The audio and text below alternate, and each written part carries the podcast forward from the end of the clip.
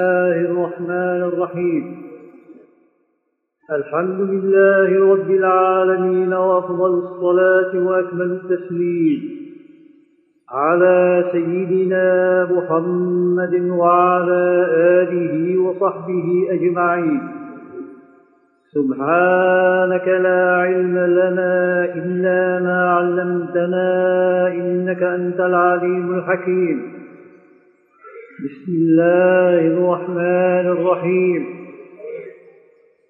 الحمد لله رب العالمين الرحمن الرحيم. مالك يوم الدين إياك نعبد وإياك نستعين. اهدنا الصراط المستقيم صراط الذين أنعمت عليهم. غير المغضوب عليهم ولا الضالين. آمين. الحمد لله رب العالمين. تقدم الكلام على أول هذه السورة. ووصلنا إلى قوله تعالى إياك نعبد وإياك نستعين. وهذا مقام موقف العبد بين يدي رب العالمين بأن يقر له ويعترف بأنه عبد وأن الله تعالى ربه وأن الله سبحانه وتعالى هو حقا إله يعبد فبعدما ذكر سبحانه وتعالى صفة الربوبية قال الحمد لله رب العالمين وأشهد العالم مشاهد ربوبيته وقدرته وعلمه وحكمته في جميع العوالم المرئية. ثم بعد ذلك بين عموم رحمته بقوله الرحمن لأن التربية للعالم قائمة على أساس الرحمانية. والرحمن على العرش استوى وذكر صفة الرحيمية التي خص بها من شاء من عباده كما تقدم معنا. ومن رحمانيته ورحيميته ومن كمال ربوبيته وفضل ربوبيته أنه ربى عباده بالشرائع الإلهية فبين لهم ما ينفعهم وما يضرهم في الدنيا وفي الآخرة ثم بين عاقبة أمر هذه الشريعة وهو يوم الدين يوم يجازي العباد على أعمالهم فما عملوا من خير فجزاؤه الخير وما كان غير ذلك فسوءه على نفسه. إذا هو حقا مالك يوم الدين. هذا هو الله رب العالمين. الحكيم العليم الرحمن الرحيم الذي هو مالك يوم الدين. ماذا يجب أن يكون موقف العاقل بين يديه سبحانه؟ النتيجة يجب أن يكون موقف العاقل بين يدي رب العزة. إياك نعبد وإياك نستعين. إياك نعبد أي نخصك يا ربنا بالعبادة؟ ولا نعبد غيرك معك. فأنت حقا إله تعبد وغيرك لا يستحق شيئا من العبادة. إياك نعبد أي لا نعبد إلا إياك. فهذا التقديم للتخصيص. ففيه هذه هذه هذه الكلمات في قوله إياك نعبد اعتراف لله بحق بحق العباد على العباد. واعتراف أنه لا حق لغير الله في العبادة. العبادة هي حق الله وحده جل وعلا سبحانه وتعالى. ولهذا قال سبحانه لما أمر بالعبادة قال يا أيها الناس اعبدوا ربكم أي لأنكم عبيد وهو ربكم. ويجب أن يعبد قال الذي خلقكم والذين من قبلكم. وبين أنه خلقهم ورزقهم وأمدهم وأحياهم وأعطاهم إلى آخره. إذا حقا يعبد. فالعبادة هي حق لله ذاتي على العباد. لو لم يخلق جنة ولا نارا ولا ولا شيء هل هو يعبد حقا؟ نعم يعبد حقا لذاته. لأنه رام وأنت عبده. الملائكة يعبدون الله. هل يعبدونه طمعا بالجنة هل يعبدون خوفا من النار؟ إنما عبدوه لأنه هو الله لأنه هو ربهم فهم يؤدون الحق لصاحب الحق وهو العبادة. ولهذا جاء في الحديث كما تقدم معنا بيان الحق والدين والشر كله بيان الحقوق وأعظم حق حق الله. قال كما في الصحيحين عن معاذ رضي الله تعالى عنه كنت خلف النبي صلى الله عليه وسلم فقال لي يا معاذ قلت لبيك يا رسول الله. ثم سكت ساعة ثم قال يا معاذ قلت لبيك يا رسول الله. ثم سكت ساعة ثم قال يا معاذ بن جبل. وفي هذا تنبيه واستحضار لجميع ذرات معاذ قلبه وعقله وروحه. فصار معاذ كله مجتمعا ومتوجها إلى رسول الله صلى الله عليه وسلم. قال أتدري ما حق الله على عباده؟ قلت الله ورسوله أعلم. قال حق الله على عباده أن يعبدوه ولا يشركوا به شيئا.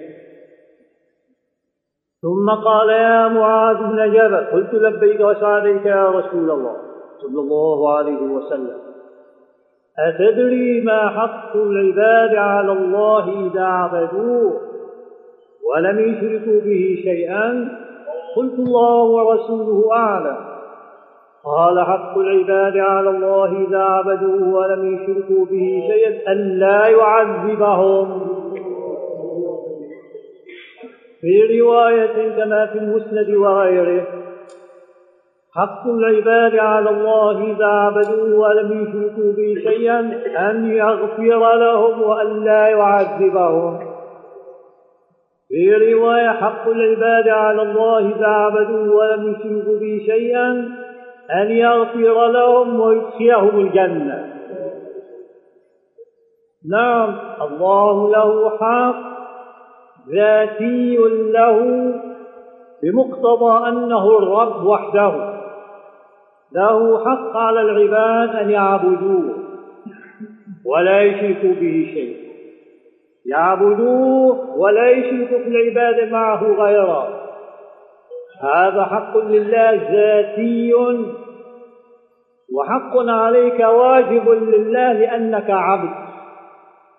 إذا خرجت عن حيطة العبودية ودائرة العبودية وكنت رب نفسك في جميع أمرك خلقا وإيجادا وحياة وموتا ورزقا وحركات وسكنات فكنت رب نفسك من نفسك لا تعبد الله إذا أما ما دمت أنك عبد ومحتاج إلى ربك وربك هو الذي خلقك وما خلقت نفسك. ولا أبوك خلقك ولا جدك ولا غيرك. إذا من الواجب عليك عقلا وشرعا وذاتي حق ذاتي أن تعبد الذي خلقك ورزقك وأحياك وغذاك هذا حق ذاتي ولا تشرك فيه شيئا. كما جاء في الحديث. ينبه إلى هذا الأمر المعقول المحكم في تخصيص الله في العبادة وأن الله حقا يعبد قال كما في صحيح الترمذي وقد جاء في المسلم الإمام أحمد وغيره. قال عن الحارث الأشعري رضي الله عنه قال قال رسول الله صلى الله عليه وسلم إن الله تعالى أمر يحيى بن زكريا عليهما السلام بخمس كلمات أن يعمل بهن وأن يأمر بني إسرائيل أن يعملوا بهن قال وإنه كان أن يخطئ بها أي أتأخر عن التبليغ. فقال له عيسى بن مريم وكان في زمن واحد. قال عيسى ليحيى يا يحيى إما أن تأمرهم بذلك وإما أن آمرهم أنا بذلك. أي هذا أمر من الله؟ لا بد من تبليغه. فقال له يحيى يا عيسى إذا أنا لم آمرهم أي وتركت الأمر والتبليغ أخشى أن يخسف الله بي الأرض. أي أنا أخاف من الله. أن لا أبلغ بأمر أمر لله قال يخاف عيسى يخاف يحيى أن يخسف الله به الأرض أو يعذب. فقام يحيى فجمع الناس في بيت المقدس حتى اجتمع بنو إسرائيل على الشرفات العالية وامتلأ بيت المقدس. فقال لهم إن الله تعالى أمرني بخمس كلمات أن أعمل بهن وآمركم أن تعملوا بهن. أمركم أن تعبدوا الله ولا تشركوا به شيئا. قال فإن مثل ذلك أي مثل من أشرك مع الله آخر في العبادة وعبد مع الله إله آخر. قال كمثل رجل اشترى عبدا من خالص ماله ذهب أو ورق إنسان اشترى عبد ووضعه في داره. وقال له هذا عملي وهذه داري فاعمل وأد إلي. فكان هذا العبد يعمل في دار سيده ويأكل من دار سيده وفي ظل سيده يعمل ويؤدي إلى غير سيده. قال فأيكم يرضى أن يكون عبده كذلك من منكم يرضى هذا؟ هذا معقول؟ هذا مو معقول. عبد مملوك في ملك الذي هو في دار المملوكة. الحاصل وهو مملوك وهذا مولاه يمده ويعده ويعطيه ويعمل لغير مولاه هذا ما هو معقول قال وكذلك من أشرك بالله تعالى. أي فالشرك غير معقول ولا هو مقبول. وهذا مثال ضربه. قال وأمركم بالصلاة. نعم الصلاة المشروعة في بني إسرائيل غير صلاتنا. صلاتنا أجمع وأكمل. لكن هناك عبادة تسمى الصلاة في بني إسرائيل. قال فإذا صليتم فلا تلتفتوا فإن الله تعالى ينصب وجهه لوجه عبده ما دام في صلاته. قال وأمركم بالزكاة وهذه أمور مشروعة في كل الشرائع لكن تختلف الكمية والكيفية يا إنسان. الزكاة مقدارها في شريعتنا غير المقادير السابقة. قال فإن مثل ذلك أي مثل الزكاة كمثل رجل معه كمثل رجل أسره العدو فأوثقوه يضرب عنقه.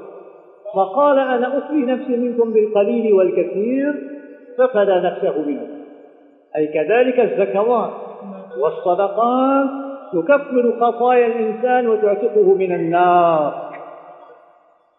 وأمركم بالصيام.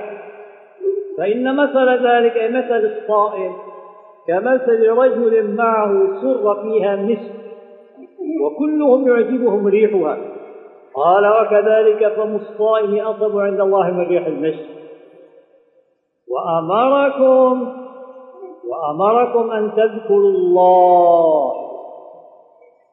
قال فإن مثل ذلك مثل ذاكر الله كمثل رجل خرج العدو في أثره أي لحقته الأعداء فدخل حصنا حصينا فأحرز نفسه منهم. دخل الحصن وأغلق الباب حفظ نفسه. قال وكذلك العبد لا يحرز نفسه من الشيطان إلا بذكر الله تعالى. فما دمت على ذكر الله فأنت في حيطة الله وحرز الله. إذا غفلت عن ذكر الله تسرب وتسلط الشيطان. ومن يعش أن يغفل عن ذكر الرحمن نقيض له شيطانا فهو له قريب. نسأل الله العافية. إذا العبادة حق الله وحده ذاتي له. وقد حق سبحانه على نفسه أن من عبده ولم يشرك به شيئا فحق سبحانه على نفسه أن لا يعذبه بل يدخله الجنة. هذا حق منه بالتفضل. تفضل من حق على نفسه. هو أوجب وحتم على نفسه أن من عبده سوف يدخله الجنة. تفضل من الله. ولهذا جاء في الحديث الذي رواه الترمذي وصححه وفي غير الترمذي أيضا.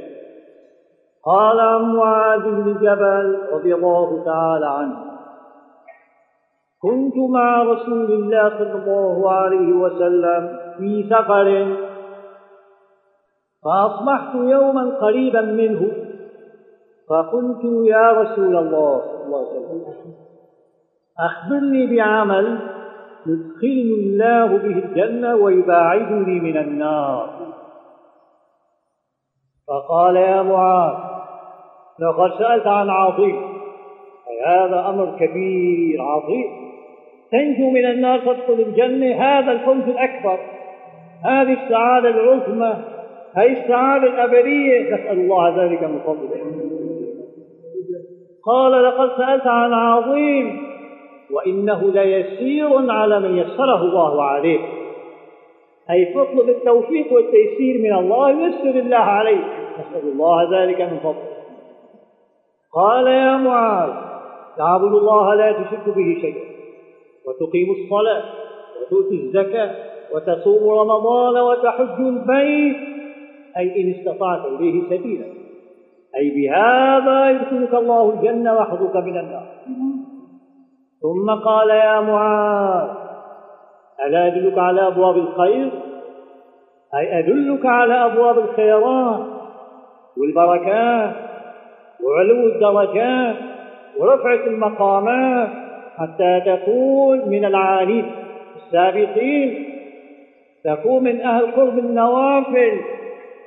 قلت بلى يا رسول الله. قال قال الصوم جنة أي عليك بصيام النفس. فوق صيام الفضل وصيام رمضان. هذا يرفع الله به مقامه. الصوم جنة أي وقاية. من أي شيء؟ وقاية لجسمك من الأمراض وقاية لك من عذاب القبر. وقاية لك من عذاب النار ومكاره وأيضا وأهوال الآخرة. والصدقة تطفئ الخطيئة. صدقة أي النفل. أن الزكاة قد نفل. الحديث الأول. تؤتي الزكاة تلك الفرض. هذه نوافل والصدقة تطفئ الخطيئة كما يطفئ الماء النار. قال وصلاة الرجل من جوف الليل شعار الصالحين. هذه رواية الترمذي. في رواية له ولغيره. وصلاة الرجل في جوف الليل. هذه من أعظم أبواب الخيرات. ثم قرأ قول الله تعالى تتجافى جنوبهم عن المضاجع. يدعون ربهم خوفا وطمعا ومما رزقناهم ينفقون. فلا تعلم نفس ما أخفي لهم من قرة أعين. تتباعد جنوبهم تتجافى أي تتباعد عن الفرش. لا سيما وقت البرد. قمت من الليل والوقت بارد والماء بارد لقصد أن تصلي لله. تتهجد تتنفس تتقرب إلى الله. هذا أمر كبير عند الله. إذا هذا القيام الذي قلته لقد طرقت باب خير كبير من أبواب رب العالمين. لقد طرقت الباب الأعظم باب الخيرات الكبير. ألا أدلك على أبواب الخير؟ هذا قيام الليل باب خير كبير في الدنيا وفي الآخرة. ينفعك الله به في الدنيا وينفعك به في الآخرة ولا سيما في القبر يا إنسان. وأفرح ما يكون عند أهل القبور ويسرون به حين تمر عليهم أوقات السحر فيرون قيامهم كيف كان يصعد إلى الله. ويرون الأنوار كيف كانت تنزل عليهم من العرش من عرش الله إليهم وكيف كانوا يستغفرون ويسبحون يسرون في ذلك ويفرحون. قال ثم قال صلى الله عليه وسلم ألا أخبرك بملا ألا أخبرك برأس الأمر وعموده وذروة سنامه وذروة سلامه قلت بلى يا رسول الله. صلى الله عليه وسلم. قال رأس الأمر الإسلام. رأس الأمر والأمر فوق كل أمر وأعظم الأمور المهمة التي هي أهم ما يكون وأهم ما تحتاج إليه في الدنيا والآخرة هو دين الله الإسلام. رأس الأمر الإسلام. وعموده الصلاة. وذروة سلام أي عزه الجهاد. ثم قال ألا أخبرك بملاك ذلك كله؟ أي إذا أنت صليت الفرائض وصمت الفرائض وأتيت النوافل وعملت ما عملت من القربات هذه أعمال جمعتها لكن تحتاج إلى محافظة عليها. فألا أدلك على ما تحفظ به عليك تلك الأعمال من الحبوب والتلاشي وأن تضيع منك بحيث تملكها عليك وتبقى لك إلى أبد الآبدين ألا أخبرك بملاك ذلك كله؟ قلت بلى يا رسول الله. قال كف عليك هذا. وأشار إلى لسانه. يعني امسك عليك لسانك.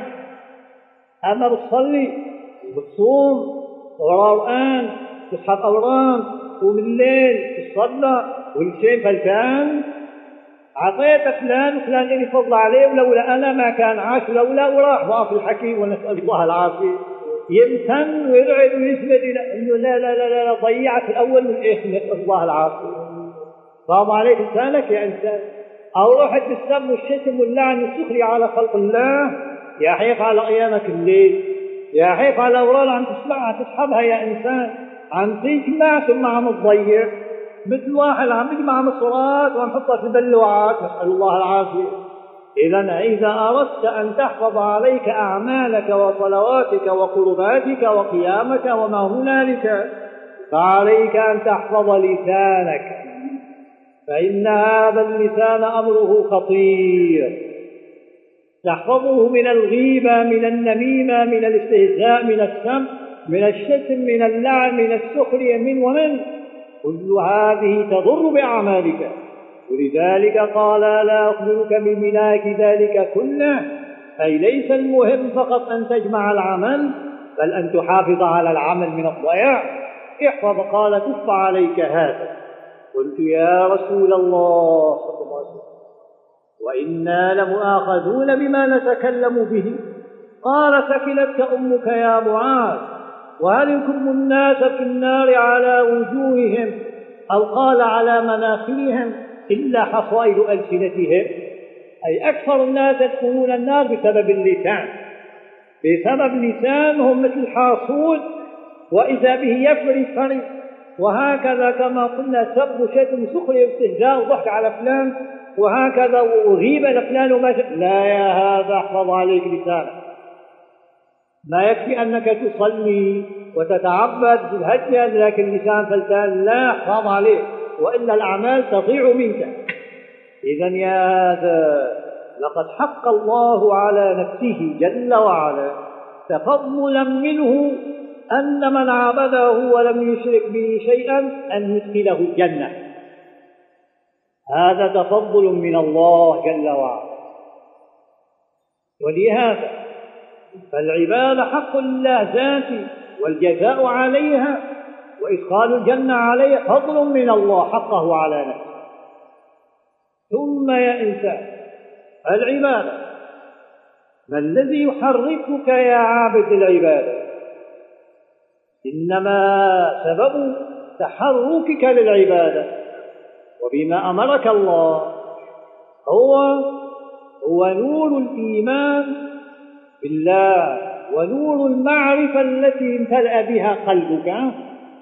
هذه كلما امتلأ قلبك بمعرفة الله والإيمان به كلما تحركت لعبادة الله وتنشطت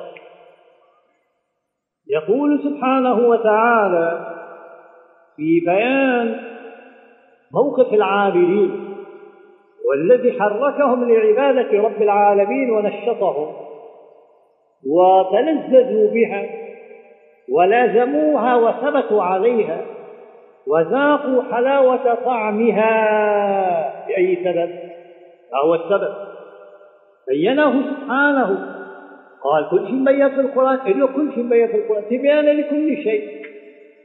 السير والسلوك والوصول والاتصال وهكذا والمشاهدة والمراقبة والمكاشفة وكل ما ذكره أهل الله.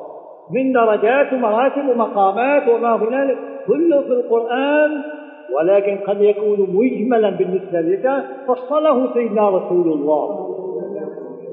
ووضحه لنا. ولذلك القرآن تبين لكل شيء. وجاء صاحب البيان عن القرآن سيد الأنام صلى الله عليه وسلم فكشف وشرح ووضح. وهو سبحانه بين لنا. قال صبغة الله. ومن أحسن من الله صبغة ونحن له عابدون. ما معنى الآية؟ قال أولا أولا قبل هذه الآية لقن أمة محمد صلى الله عليه وسلم لقنهم العقيدة. الله تعالى لقن هذه الأمة المحمدية العقيدة والإيمان وتعرف إليه قال قولوا هي أمة محمد صلى الله عليه وسلم. آمنا بالله وما أنزل إلينا وما أنزل إلى إبراهيم وإسماعيل وإسحاق ويعقوب الأصنام وما أوتي موسى وعيسى وما أوتي النبيين من ربهم لا نفرق بين أحد منهم ونحن له مسلمون. فلقنهم الإيمان بما أنزل الله بجميع الرسل. ولا شك نحن نؤمن بجميع أنبياء الله صلوات الله. ونعتقد أنهم أنبياء أنبياء الله ولكن إمامهم الأعظم سيدنا محمد صلى الله عليه وسلم. وخاتمهم وكلهم تحت لوائه ثم قال بعد صبغة الله. أي قولوا معنى هذا أي قولوا يا أمة محمد. ما قال هنا؟ قولوا آمنا. وبعد ذلك قال صبغ أي قولوا صبغة الله أي صبغنا الله بصبغته جل وعلا. الله صبغنا نحن أمة محمد صبغنا بصبغته ما هي هذه الصبغة؟ أي صبغة القلوب بأنوار علام الغيوب. صبغة القلوب بمعرفة رب العالمين هي صبغة. قولوا صبغنا الله بصبغته صبغة الله. هذا كما يقال معمول أي مفعول على طريق الغراء الفعل المحذوف أي على قول صبغنا الله بصبغته. ومن أحسن من الله صبغا. أي صبغ قلوبنا بنور معرفته والإيمان به فتحركنا للعبادة ونحن له عابدون. أي ونحن أمة محمد أكمل من عبد الله من الأمم. وخير من عبد الله من الأمم. فلقد, فلقد عبدناه عبادات ما عبدتها السابقون وجمع الله لنا من فضائل الطاعات ما لم يعطه للسابقين. فنحن أكرم العابدين على الله. وإمامنا إمام العباد والعباد كلهم. سيدنا محمد صلى الله عليه وسلم. صبغة الله. إذا القضية صبغة. ما هي الصبغة؟ صبغة نور الله في القلوب. صبغ قلبك بنور إيمانه ومعرفته. قال يعني إيش معنى هذا؟ يقول له ما بتفهم يعني اللغة العربية شو معنى الصبغ؟ قال يعني مثل الدهين قل له لا الدهين غير الصباغ فهمت؟ اللغة في فرق كبير. قال يعني طلاها طلي قل له لا طلاء غير الصباغ في دهان وفي طلاء في صباغ الدهان على قشرة الشيء مثل ما نقول قشرة الحيط دهان. أما الصبغ الصبغ هو ما يتخلل ذرات المصبوغ أخذ الثوب للصباغ يعني رايدها الثوب من براته ويخلي جواته إيش؟ ظاهره شيء وباطنه شيء ولا صبغه كله؟ ولا أخذه وحطه يدقه ويحطه كذا ليه عم دق؟ قال بدقوه هيك بقوه بعصوه إلى اخره مشان إيش؟ قال حتى الصباغ يدخل في ذرات الثوب تماما. ظاهره وباطنه وجواته حتى يكون ذرات مملوءه بالصبغ قل له اذا هذا معنى الصباغ يا إنسان. ثم يا إنسان ألم تر انصباغ نور الشمس بالهواء لولا الهواء ما ظهر لك نور الشمس. فبمر نور الشمس على كرة الهواء فينصبغ بالهواء فنور الشمس منصبغ بالهواء انصباغ. وإذا به ترى نور الشمس ظاهر ولو أنك جاوزت كرة الهواء إلى ما هو أعلى بكثير بحيث ما في هواء ما ترى للشمس نورا. تراها عين منيرة من بعيد لك ما في نور. ما في شيء تنصبغ به يا إنسان. إذا نور معرفة الله ونور الإيمان بالله جاء إلى القلب. نزل على هذا القلب فانصبغ القلب بنور الله. انصباغا انصباغا تخلخل في ذراته وفي أجزائه وفي ظاهره وفي باطنه وفي غلافه وفي كل ذراته. هذا صبغة الإيمان. من الذي صبغ ومن الصباغ يا إنسان قال الله. وهل صبغة الله كصبغة غيره؟ قال ومن أحسن من الله صبغة. أعظم من صبغة الله ما في وأثبت من صبغة الله ما في وأحلى وأجمل وأحسن من صبغة الله ما في إذا يا إنسان هذه صبغة الله. فهذه الكلمة صبغة تدلك أولا على معنيين كبيرين وإن كان هناك أسرار تحتها يا إنسان. لكن خذ معنيين أولا معنيين ظاهرين. الصبغ هو ما لازم المصبوغ وتخلل أجزاءه كلها. وكلما كان الصباح أعلم بالصبغ فصباغه أثبت. ولا شك أن صبغة الخالق فوق صبغة المخلوق. ولذلك ومن أحسن الله الصبغة إذا صبغته ثابتة. ومن هنا القلب الذي صبغه الله بنور الإيمان ثابت على الإيمان. لا يرتد ولا يزيغ ولا ولا ولا بل هو ثابت ومنها قال عليه الصلاة والسلام وإن من أمتي رجالا الإيمان في قلوبهم أثبت من الجبال الرواسي. أي الجبال الرواسي تزول والإيمان في قلوبهم ثابت. لما؟ لأنه بصبغة الله جل وعلا. ثم الصبغة تقتضي الثبات واللزوم ثم الصبغة إنما يصبغ الإنسان الثياب حتى يحليها ويجملها.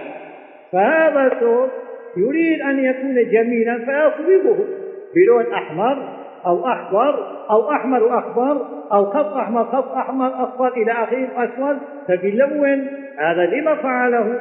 قال يعني لأجل أن يكون الثوب كاملا جميلا حسنا.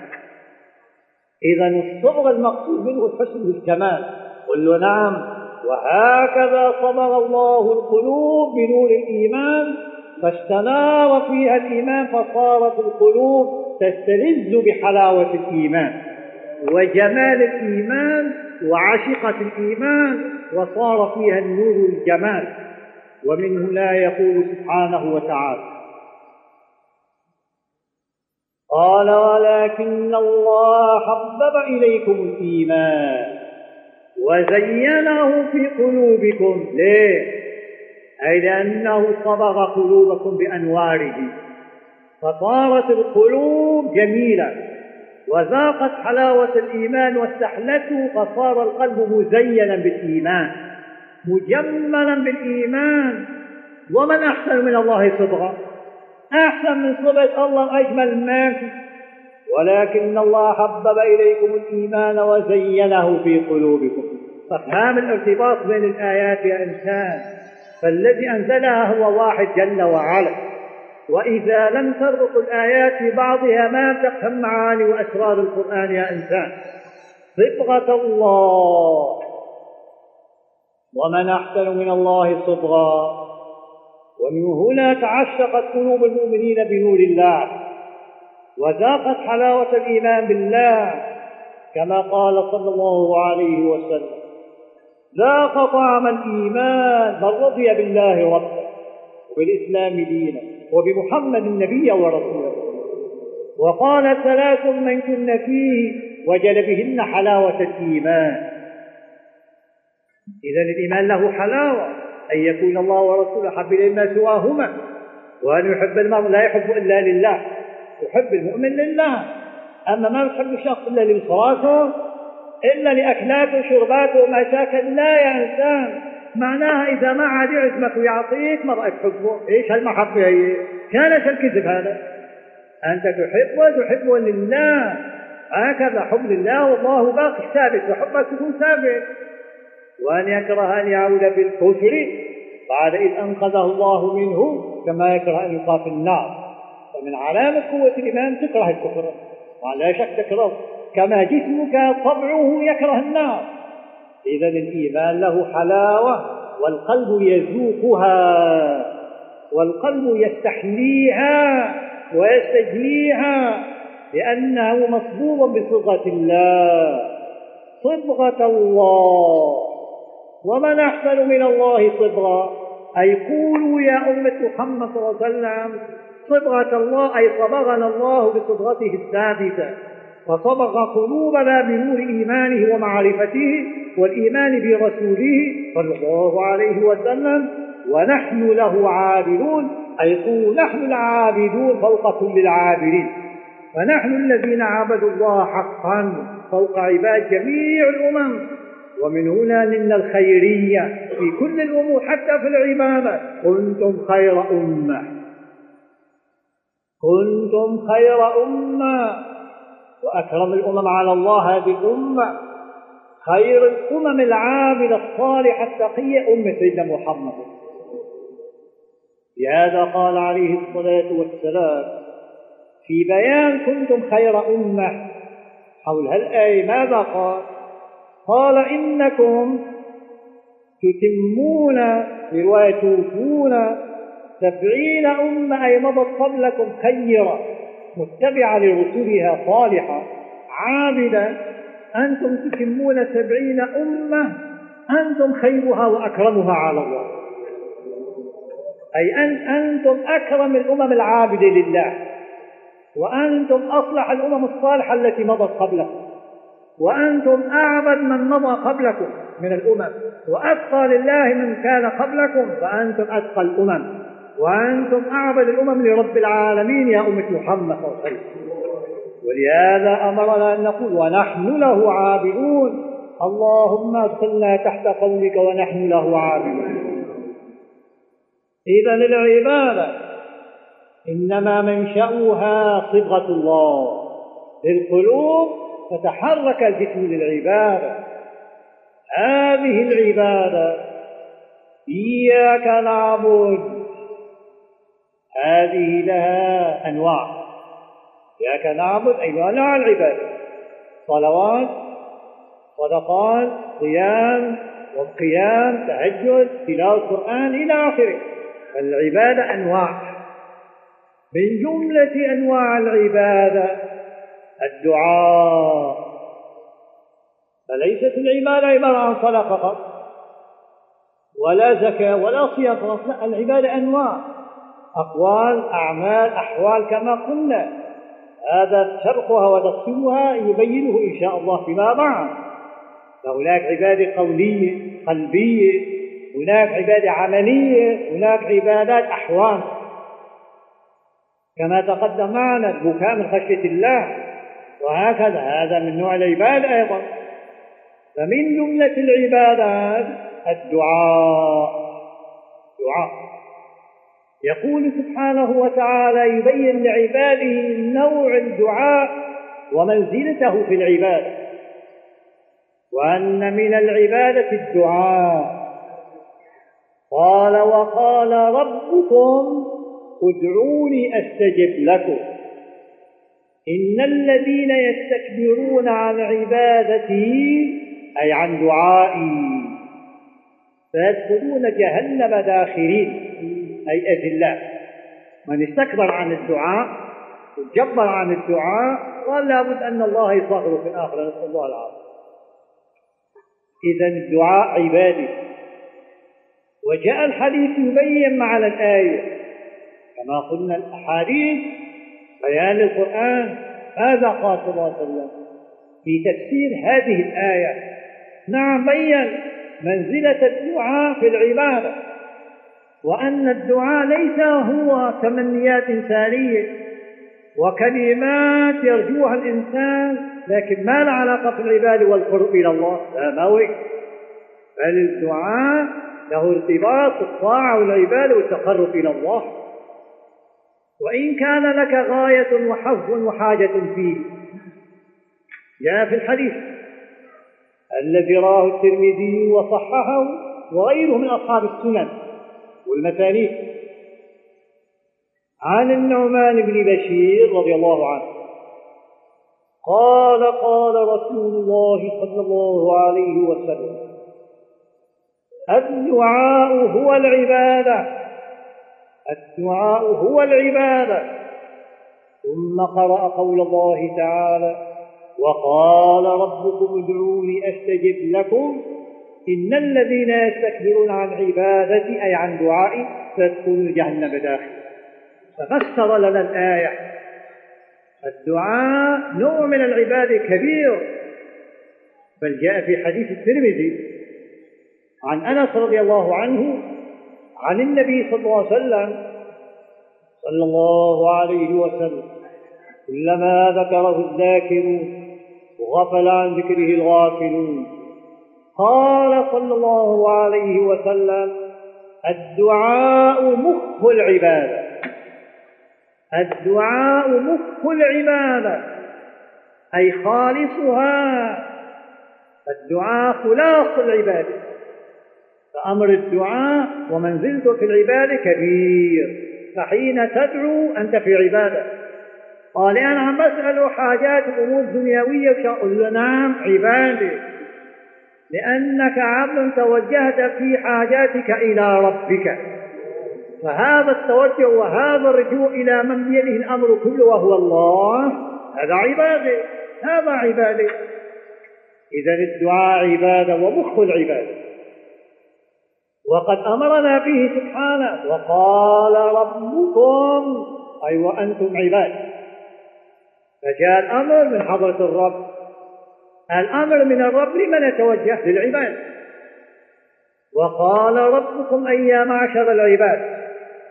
فربكم يأمركم بذلك. وادعوني أستجب لك جل وعلا سبحانه وتعالى. أمرنا بأمر ووعد وأمر وتكفل بالإجابة. أمر العباد بأمر وضمن لهم بالإجابة. وهو أستجب لكم. إذا الإجابة لا بد منها. ما دمت تدعوه وأنت حاضر القلب. وأنت موقن بالإجابة. ولذلك يجب على الداعي حين يدعو أن يكون حاضر القلب موقنا بالإجابة أما إذا رحت عن قلب غافل أو قلبك حاضر لكن متردد في جواب الحق بيجيب ولا ما تجيب؟ لا لا تتردد. من هنا بين لنا عليه الصلاة والسلام. قال ادعوا الله وأنتم موقنون بالإجابة أي لأنه وعد ولا يخرج. وتكفل أي أستجب. وادعوا الله وأنتم موقنون بالإجابة ثم نبه قال واعلموا أن الله لا يستجيب دعاء من قلب غافل الله. دعاء من قلب غافل لا ما يستجيب. دعوت باللسان لك أجر حسنة اللسان. فقط.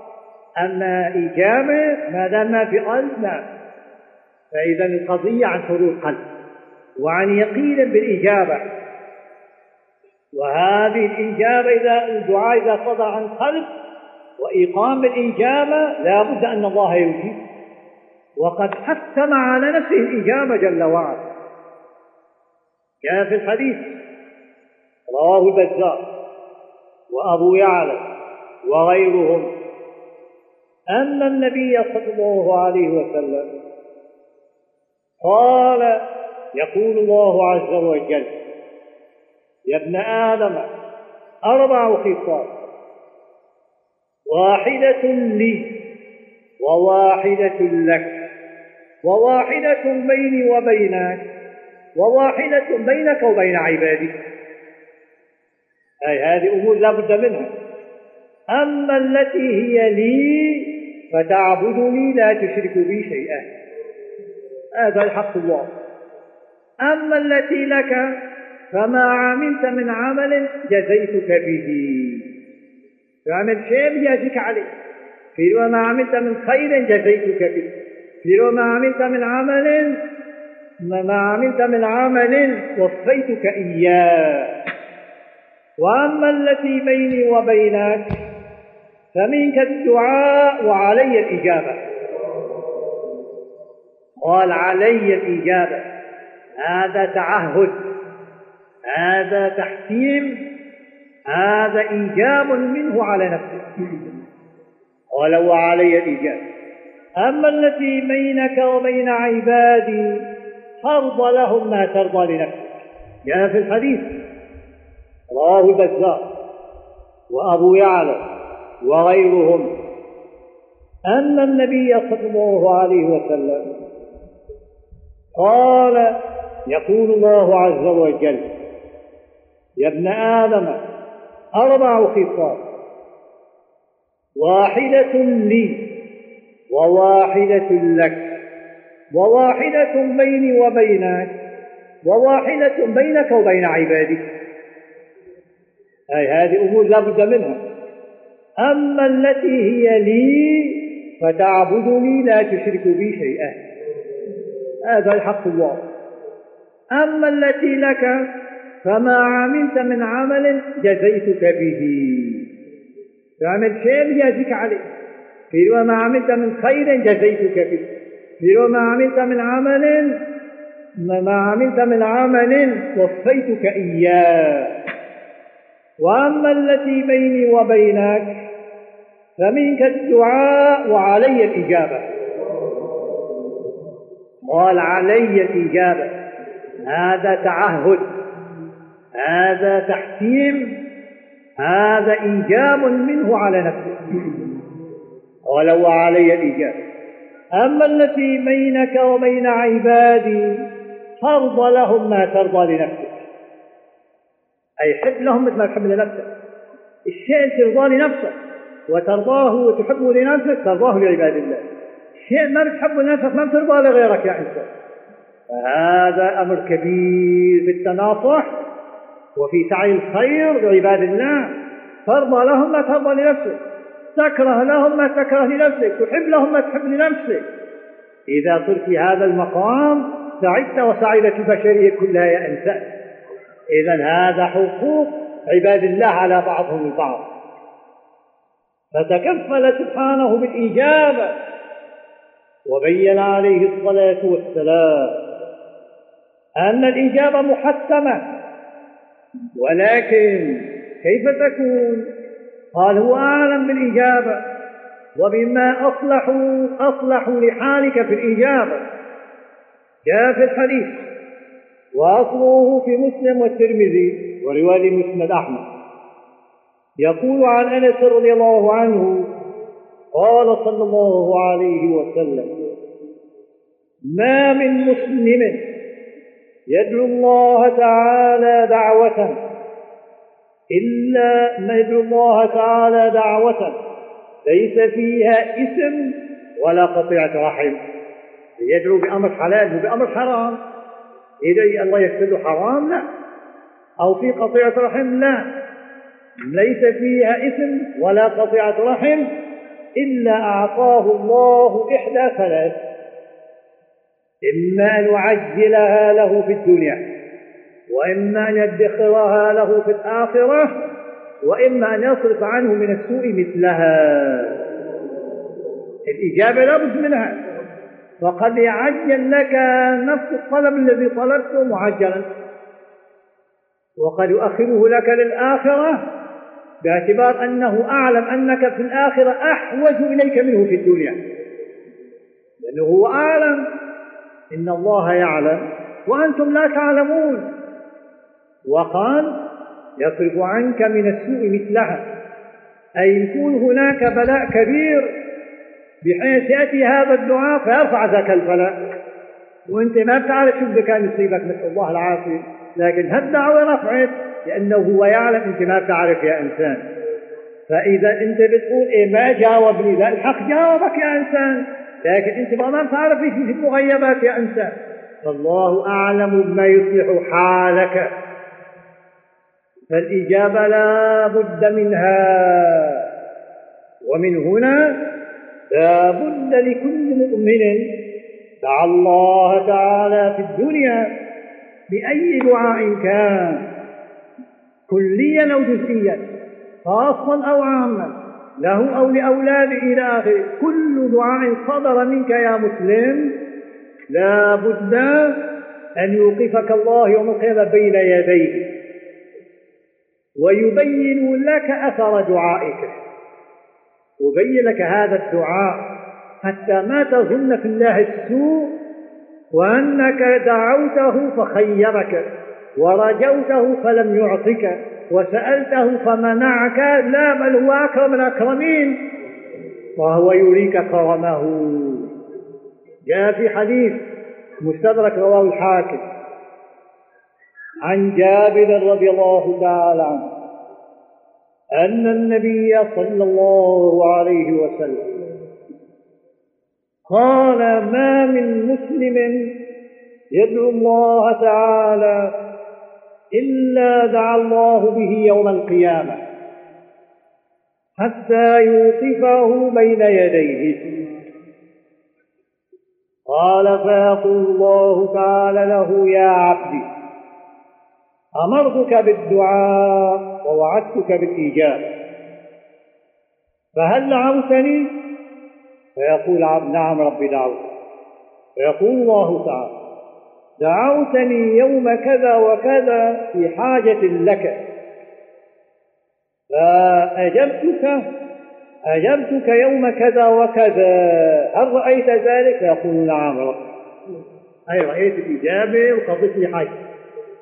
فيقول الله تعالى يا عبد دعوتني في حاجة لك يوم كذا وكذا. فلم تر قضاءها ما رأيت قضيت حاجة؟ هل رأيت قضاءها قضيت لك قال فيقول لا يا رسول. فيقول انظر ادخرتها لك في الجنة. فيريه دعاءه في الجنة. منازل مراتب. فيقول الله تعالى يا عبدي دعوتني يوم كذا وكذا لغم لغم اعتراك أن أفرج عنك. ففرجته يوم كذا. أليس كذلك؟ فيقول نعم ربي. نعم رأيت ذلك. فرجت فيقول دعوتني يوم كذا وكذا لغم فلم تر له فرجا. فيقول نعم ما رأيت فرجا. يقول ادخرت ذلك في الجنة. فيريه ذلك. فقال صلى الله عليه وسلم فلا يدع أي فلا يترك الله دعاء دعا به مسلم إلا بينه الله له. يبين له آثار الدعاء في الدنيا في الآخرة إلى آخره. إذا لما قال وقال ربكم ادعوني أستجب هذا حتم. هذا حتم. تحكيم على نفسه وتكفل. وهكذا وإيجاب على نفسه بالإجابة فضل منه وكان جل وعلا. ولذلك أمرنا صلى الله عليه وسلم أن توقن بالإجابة وأنتم موقنون بالإجابة. والله تعالى أكرم الأكرمين. وحاشا أكرم الأكرمين أن تدعوه وتسأله عن حضور قلب ويقين صادق ثم يحرمك الإجابة. لا جل وعلا. لا تظن بالله سوءا.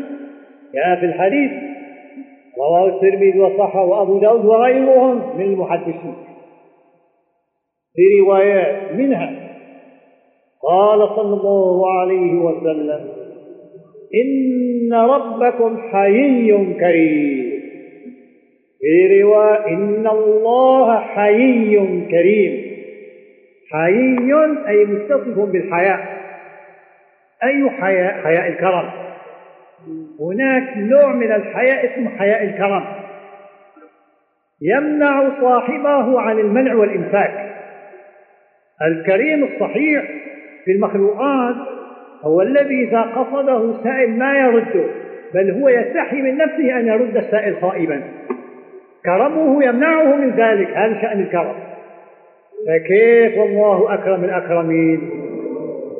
قال إن ربكم حيي. أي متصل بحياء الكرم كريم يستحيي من عبده إذا رفع يديه إليه أن يردهما صفرا خائبتين. أي إذا رفع العبد يديه إلى الله داعيا. وقال يا رب وسأله والقلب حاضر. قال الله يستحي أن يرد يدي هذا الداعي خائبتين. بل لا بد أن يملأهما بالخير. ولذلك في رواية في المستدرك قالت ولا يستحي أن يرده خائما ولا يرجع عليه بالخير. أي بل لابد يملأ يديه خيرات وأنوار. ولذلك يستحب عندما الإنسان يدعو أن يمسح وجهه لأن الله ملأ يديه خيرا ونورا. قال ما بشوف بعيني؟ قل له ولو ما شفت بعينيك إنسان أنت كل شيء شايفه بعينيك. في أمور عم تتنزل قال عليه في الملائكة والأوامر الإلهية تنزل الأمر بينهم. شايف شيء أنت؟ مالك شايف أنت أيضا في عالم الشهود الوجود. وإلا هي في الوجود الغيبي تتنزل. لكن عالم الشهود ملوث بالبصر.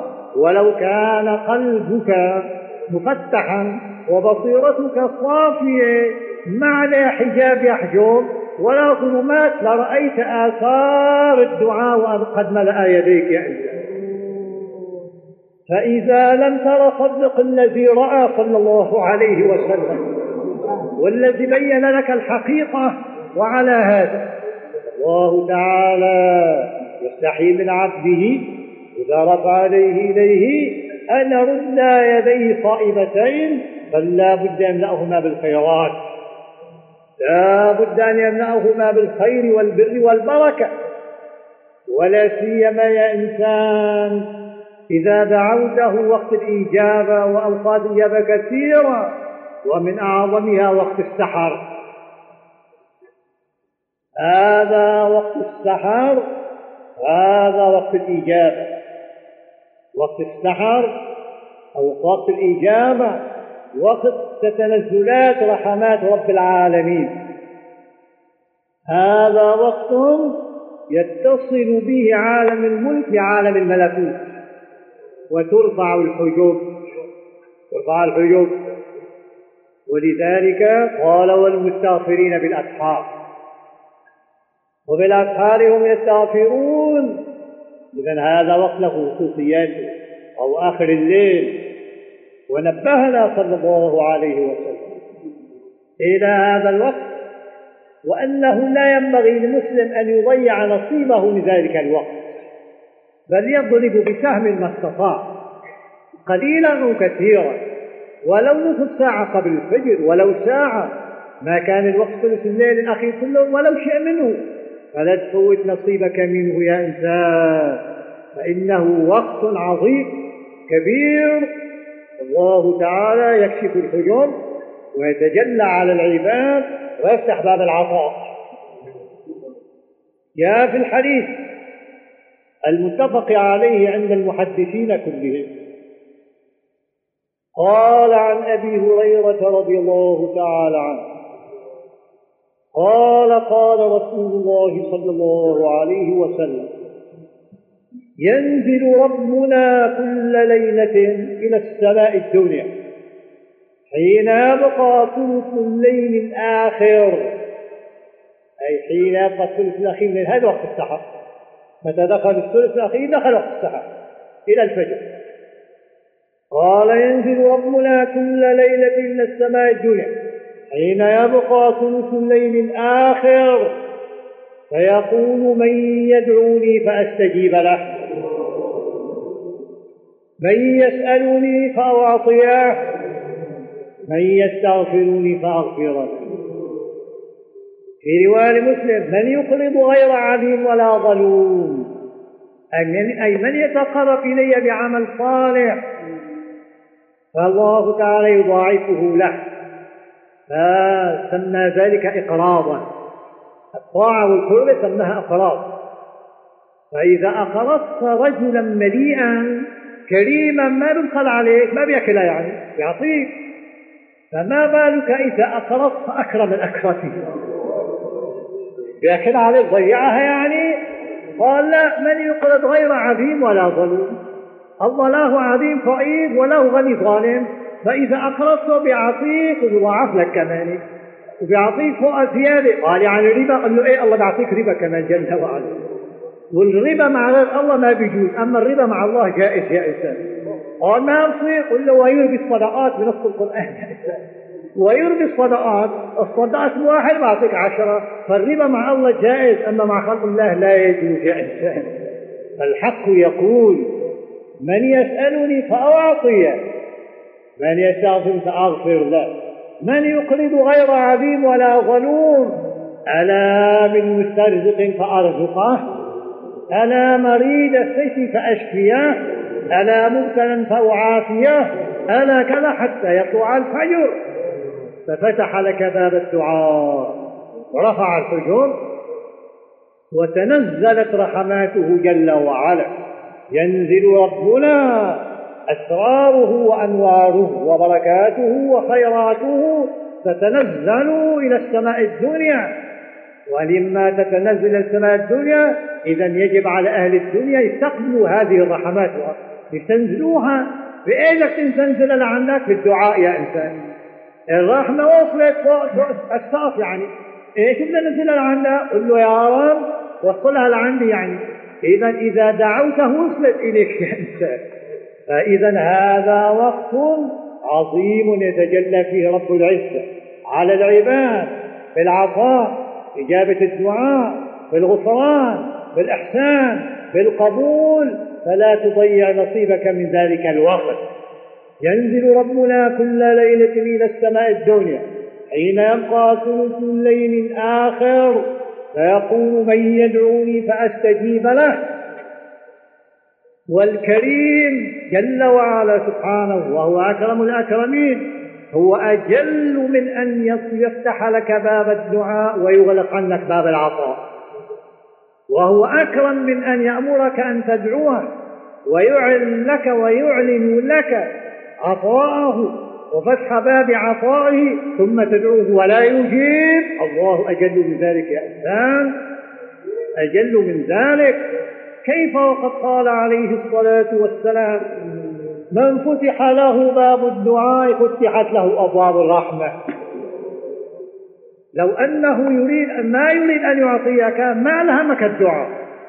ولكن لما فتح لك باب الدعاء فتح لك باب العطاء يعني إذا لما يفتح عليك باب الدعاء عليك فتح باب العطاء فاسأله عن حضور ويقين. من فتح له باب الدعاء قال فتحت له أبواب الرحمة.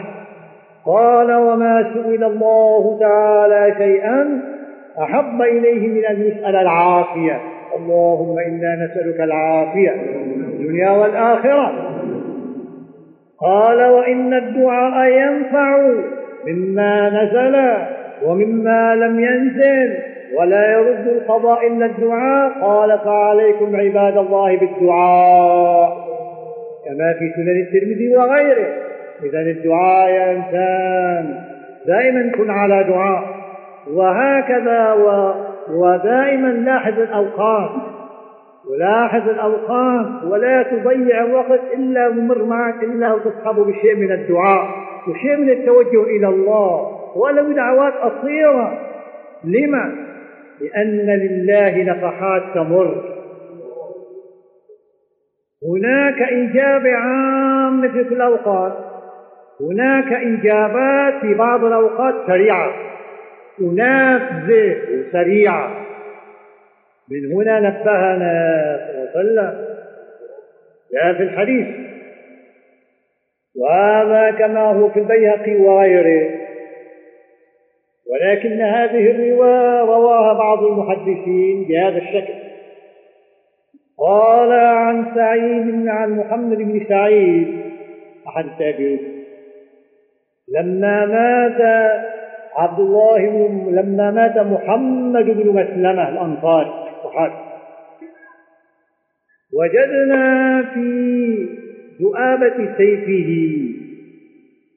كتابا فقرأناه فإذا فيه.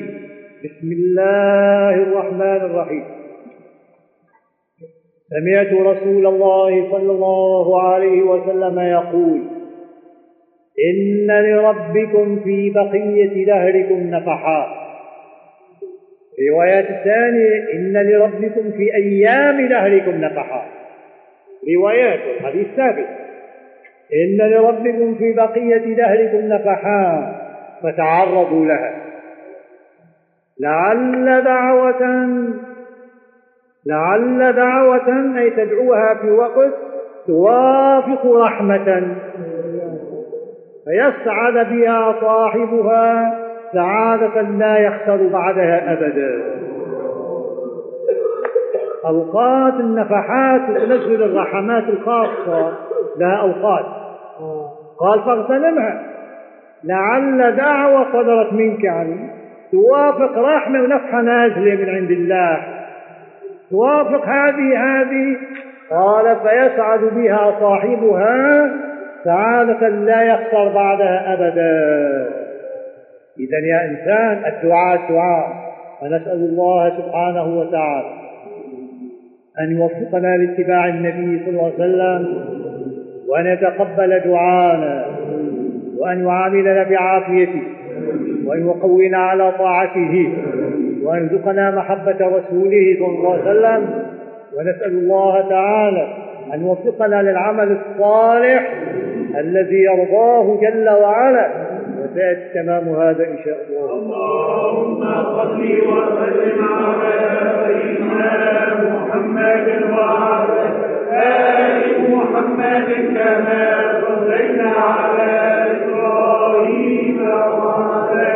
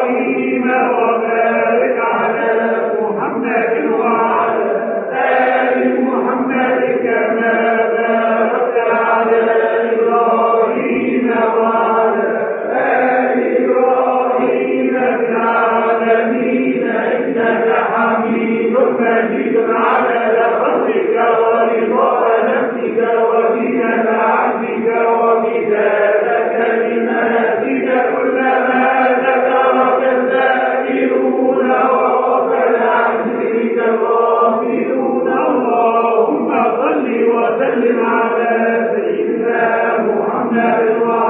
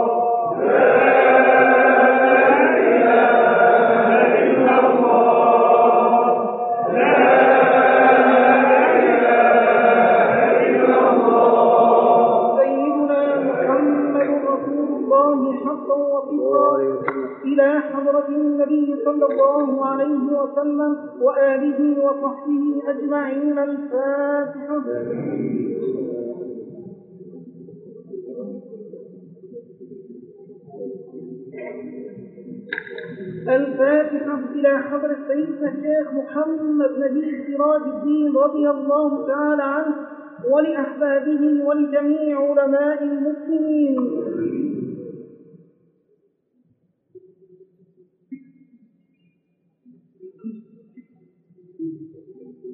الفاتحة بنيت الله سيدنا الشيخ بالعافية وإليك وبراح القدر وأن يمده بالمدد المحمد ويديم هذا الهدي في ذريته وأن يجعله من ثم لأتباع النبي صلى الله عليه وسلم.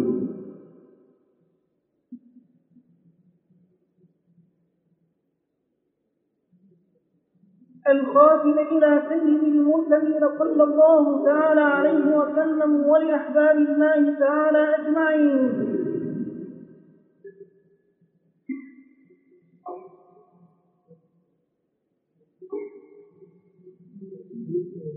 اللهم صل على سيدنا محمد مفتاح خزائنك. اللهم افتح لنا بسيدنا محمد صلى الله عليه وسلم ما أغلق علينا.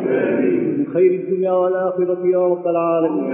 اللهم صل على سيدنا محمد النبي الأمي وعلى آله وصحبه وسلم تسليما.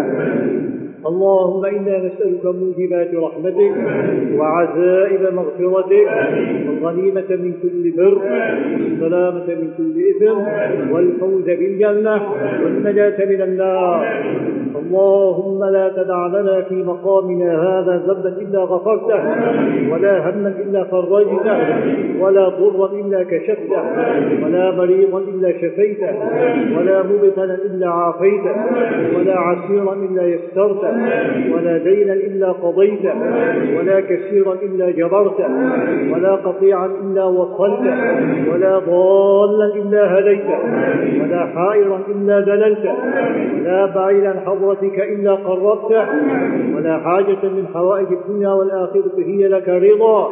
إلا قضيتها برحمتك يا أرحم الراحمين يا أرحم الراحمين يا أرحم الراحمين.